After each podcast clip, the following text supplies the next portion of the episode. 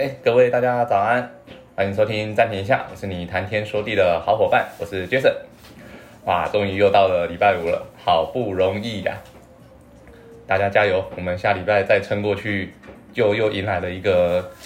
清明跟儿童节的连假吧，总共有五天。那这个连假不知道各位有什么安排呢？Jason 自己啊，哇，发现我在这段连假里面突然的一阵繁忙。原本想说连假应该要很悠闲吧，但这两天哎，突然跟朋友聊一聊，才发现哎，我蛮多朋友在这个时期生日的。像我下礼拜就有一位呃好朋友最近刚生小孩，然后他也要生日了。然后再来是我爸爸的生日，然后再来是我朋友，我一个朋友很酷，他在四月五号清明节当天生日。所以每次跟他聊天，就是就会聊到说，哎，你生日快到了，可是我要去扫墓，再见。那我们现在其实，呃，我们大家都已经出社会好几年了，然后自己家族里面的长辈很多的其实也都没有力气去扫墓，或者是说没有力气再去回乡下做这件事情。渐渐的，渐渐的，像我们家自己，通常就是在清明节的前一周，或者是前两周找个时间回去。那我朋友也好不容易说，啊，他现在清明节也比较悠闲的，哎。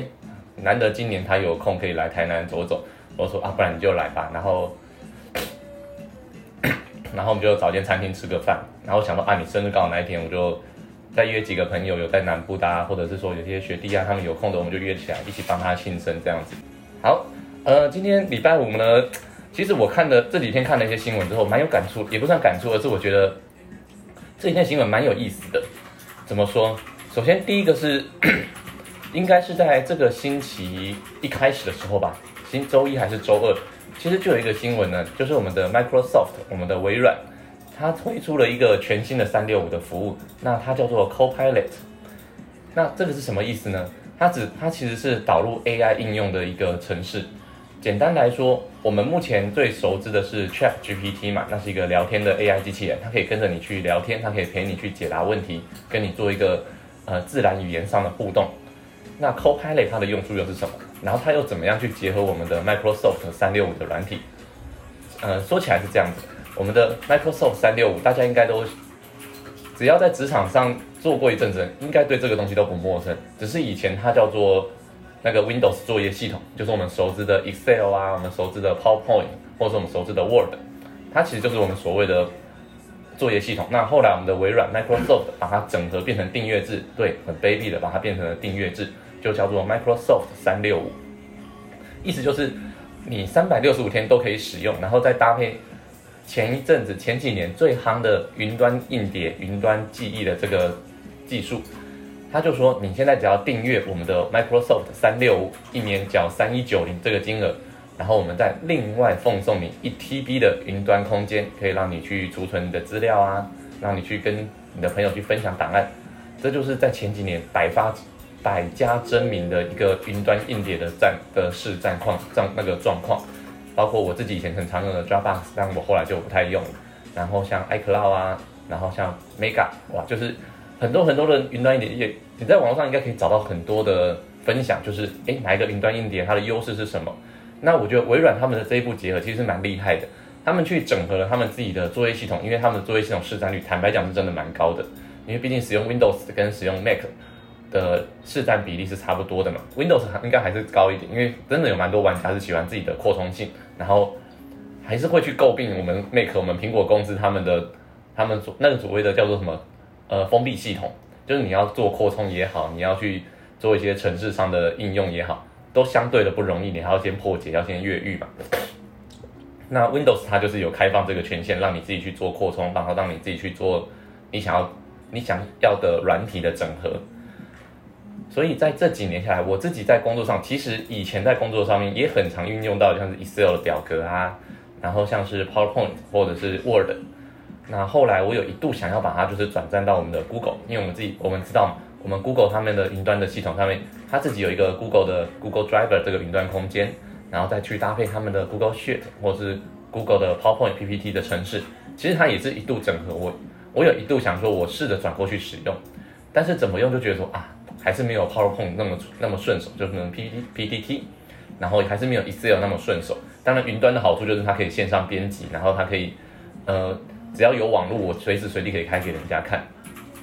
但是这个装这个做法，我其实在以前使用 Dropbox 的时候，因为 Dropbox 它也是可以直接在系统内，就是他们的 Dropbox 的档案夹内直接做编辑。那你编辑好之后，它就同步到你到你所有的电脑里面。可是它这个做法会比较去占你的你自己电脑里面的硬碟的容量啦，因为 Dropbox 它等于是说，它虽然存在云端，但是如果你要在地端，就是我们所谓自己的个人电脑上面去做使用做编辑的话，你必须要增加一个 Dropbox 的资料夹，然后在里面这个资料夹就会去占到你硬体的空间。所以等于说，如果你在 Dropbox 上面你有一百 G 的资料，那你要把这整个 Dropbox 的资料夹在你的地端个人电脑上面做呈现的话，它就是会去占到一百 G 的空间。所以我自己以前的做法是，一些我不会常常开来开去，我不太需要去做编修的档案，像是什么照片啊，像是什么一些过期档案啊，或者是备份的档案，就通通让它留在云端吧。我需要的时候，我开个网页，我开个 Dropbox 的网页档上去看一下资料内容，或者看看照片，这样就好了。但是我需要编辑的，我工作上需要用到的，包括像行程表，包括像 Excel，包括像什么呃成本分析表这一些东西。需要做到编辑的，我就会让它留在我的地端，就是我的个人电脑里面，就是另外开一个资料夹，然后让我在编辑上比较顺利，而且编辑过后，我可以在其他的电脑，在其他的场合去开起来给别人做 demo 使用。然后这样子一直做下来啊，其实我那时候订阅了 Dropbox 订阅一年制，它一年就是一百块美金，那算换算台币，其实就是在三千到三千一百块这个之间去做浮动。以这两年的利率来看的话。我当时觉得说，哎，其实还蛮 OK 的，就是我在作业上很方便，然后也可以呈现出你个人的一些专业感跟我们所谓的科技感。所以有时候出去外面简报的时候，人家都还要拿 USB，我只要带一台电脑就好，甚至是只要对方那边有电脑，我只要连上网，连上我的云端的硬碟，就可以直接开我要开的 PowerPoint，我要开的 Excel 吧，给你们这样看。就是我可以一个很轻、很简洁、很轻便的状态出门，我不用电脑带在身边走来走去，然后我也不用。一个人身上带了好几颗 USB，这个存照片，那个存档案，然后这个又存什么资料？哇，那到时候其实很容易乱掉。当然，我自己重要的还是有，我自己还是买一颗硬碟来做第三备份。所以我觉得在这个时代，其实备份真的是蛮重要的。OK，那我自己使用过了像 Dropbox，然后再来 iCloud 也是用过一段时间，就不得不说，如果说你是苹果生态系的爱好爱好者的话，iCloud 真的可以完美的去。自动备份也好，自动分类也好，你有 Mac，然后你有 iPad，你有 iPhone，那你只要再搭配 iCloud，那你的苹果生态系相当的完整。但我自己本身因为公司的电脑用的是 Windows 系统，那自己家里有一台 Mac，然后自己用的是 iPhone 手机，所以我也一度想要使用 iCloud 来，哎试试看来替换掉我们的那个 Dropbox 的系统。但是 iCloud 它在编修上的功能就没有我想的那么方便。有有一个很大的问题就在于说，我两个系统之间要切换很困难。等于说，我工作上的档案、工作上的资料拿回到家里的 Mac 的时候，格式会乱掉，那不然就是打不开，或者我要重新再去在 Mac 上面再下载 Excel 的档案，或者是 Excel 的镜像档来做呈现。就想想说，我都用 Mac 了，然后我还开 Excel，可是开了 Excel 之后，它还是会乱掉啊，因为 Mac Excel 的编码可能跟 Windows 上面有一点点落差，为了系统的关系去做了一些修改。后来看到了 Google Driver。Google Drive 里面它自己有内建的 Google Sheet、Google Google 的 PPT 简报程式，哎，后来发现，哎，Google 就把这些东西通通整合到云端内，要不我来试试看。然后当时一试，哎，有些的也也有也不错，可是用久了还是发现有一点点的问题，就是 Google 它在那个云端的空间上面，它的那些档案，你要你要做编修的话，因为你要编修，你还是要把它下载到你的电脑，然后再打开编修完，再把它上传到云端，多了一个这个动作。那对我们来讲就相对的没有那么方便，多一个动作我就觉得好烦躁。尽尽管尽管说他没有花我太多时间，但我就觉得好烦哦。然后说到这里，就有人会问说，那他们不是有自己的云端的那个 PowerPoint 的城市吗？有云端的 Google Sheet 这种类似 Excel 的东西吗？呃，对，有这些东西确实很方便。我也想过把我所有的 Excel 全部转换成 Google Sheet 这个门这个方式，直接放上云端。问题来了。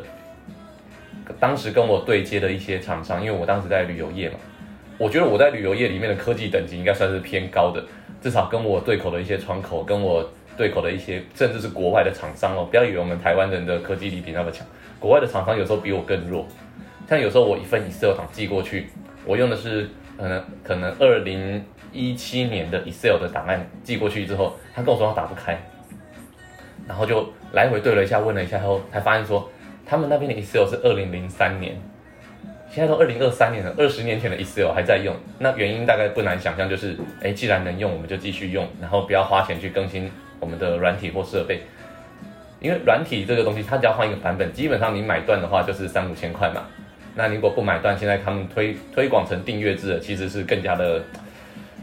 惨无人道。我只能这样讲，因为你去看买断的价格就是七千多块，那你订阅的话就是每一年三千多，然后再送你一 T 的云端硬碟。这是目前 Microsoft 三六的一个方案，给各位参考看看。然后最我。一直以来其实没有考虑过去去订阅啦，因为我觉得好了，我电脑也是维持着，我还能用，我有一些旧旧的买断的版本，我就继续用吧的这个想法去做。直到我最近看到了 Microsoft 的一个影片，一个 demo 影片，就是他们去 demo 了我们的 Copilot。Copilot 讲了那么多，到底是什么呢？它其实是一个 AI 机器人，那也是使用自然语言，然后去做语言模组学习的 AI 机器人。那它最强的地方是什么？它可以让你用自然语言跟它沟通之后。帮你自动生成 Word 档案，或者是你可以跟他讲说，哎，那个 Copilot，你帮我把这一个网页上所有的资料整理成一个 Word 档，那我要，比如说我要三段，然后三个大段里面要五个小项，它就自动，它听得懂这些指令之后，它就去自动把你给它的网页上面所有资料截取下来，然后做整理，然后做编修，然后变成了一个有三个段落，然后有五个小项的。一份 Word 完整的 Word 报告档，好，这还不是最厉害的，那最厉害的是什么？你可以把这一份你请 Copilot 做好的 Word 档案，再把它喂进去 PowerPoint 里面，然后跟他说，哎，Copilot 帮我把这一份 Word 档案做成页五页的，做成一份五页的 PowerPoint 的简报档，在他们简在他们的 Demo 影片中，他做得到这件事情，所以从此以后。我们不用花那么多的力气去做一份 PowerPoint 的档案。以前可能我们在做简报的时候，一份十页到十三页的简报档，嗯，我个人比较求精简的路线呐。像我们老板他每次做个 PowerPoint 都要做五十几页、六十几页，然后都是最后突然讲二十页，你时间就到就讲不完。那为什么会有这么肥大的问题？就是他喜欢用很多照片来讲事情，那他照片又都很大张，然后他又觉得每一张都应该要讲到，就造成了这个这个状况。我记得以前很有意思的是。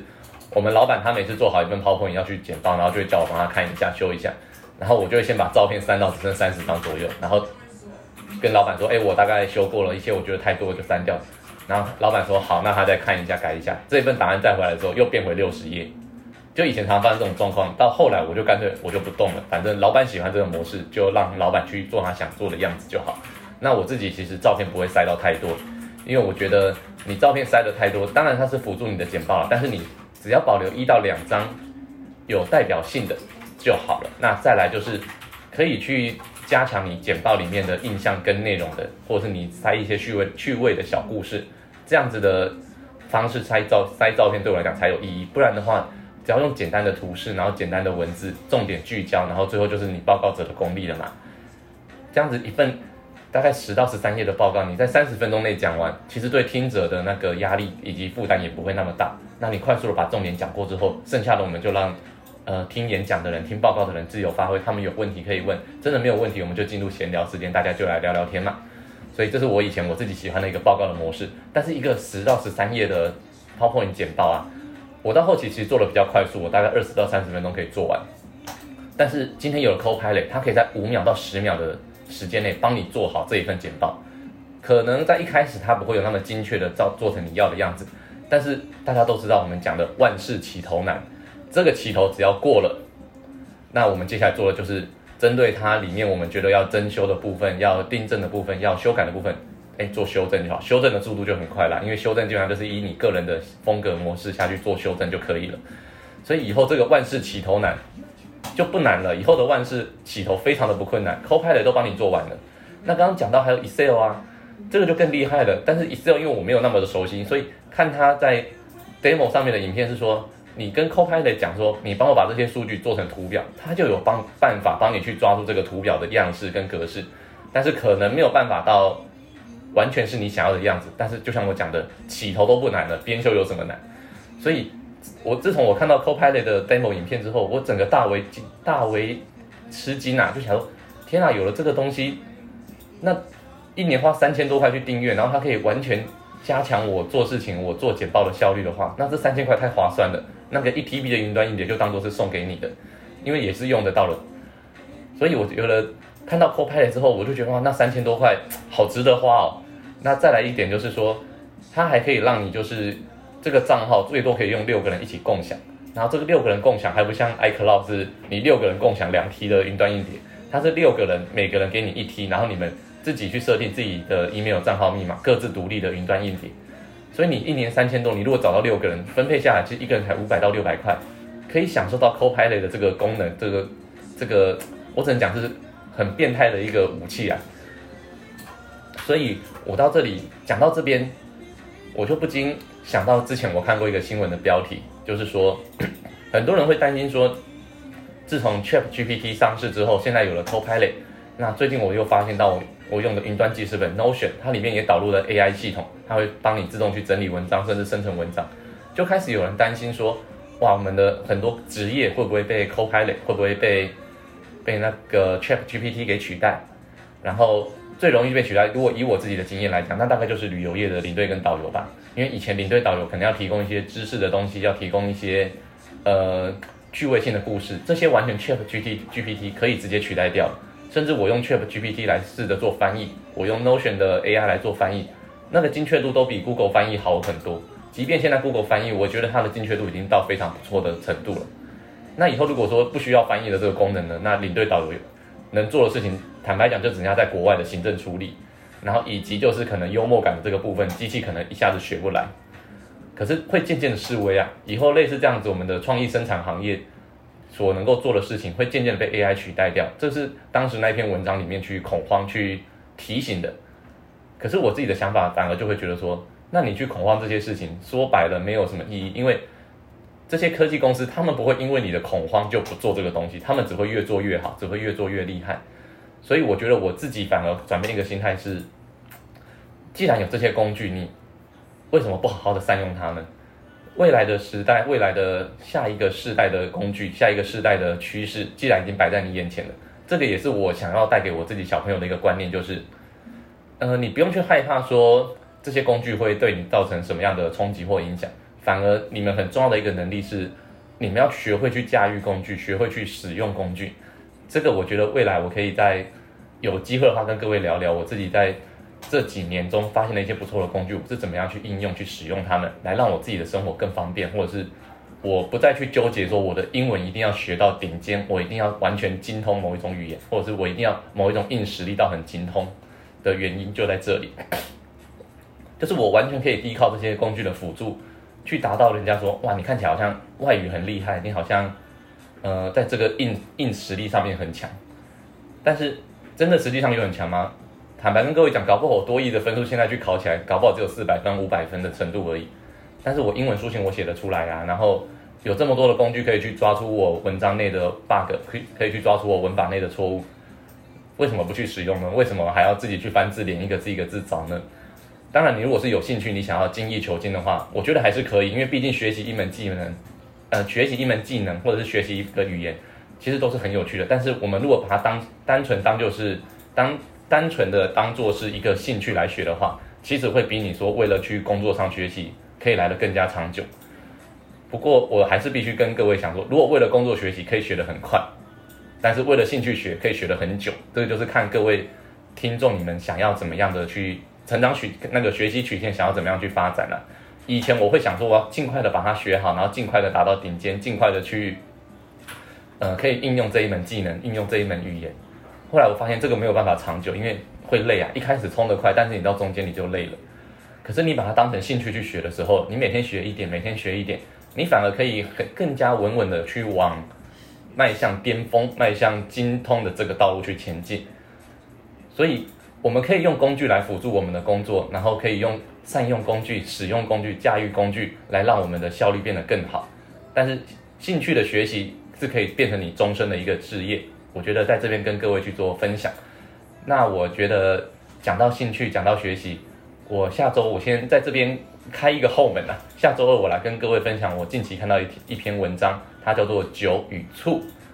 酒跟醋就是酒，就是我们喝的那个酒嘛，葡萄酒那一类的。那醋就是各位知道你们喝过很酸很呛的那个醋。那篇文章写的很有意思。我今天时间可能不太够，我下周来跟各位分享一下我看完这篇文章的一个之后的一个感觉，在这边先开后门啊。但是我下周有其他的事情耽搁了，或者是有其他更有趣的新闻，就请各位在留言区再跟我做一个提醒，好不好？好了，今天不小心讲了很多，应该我看看时间二十几分钟，超过二十五分钟。好，没关系，那我们今天的分享，我们今天的录音就到这里，我们下一次再见。好，拜拜。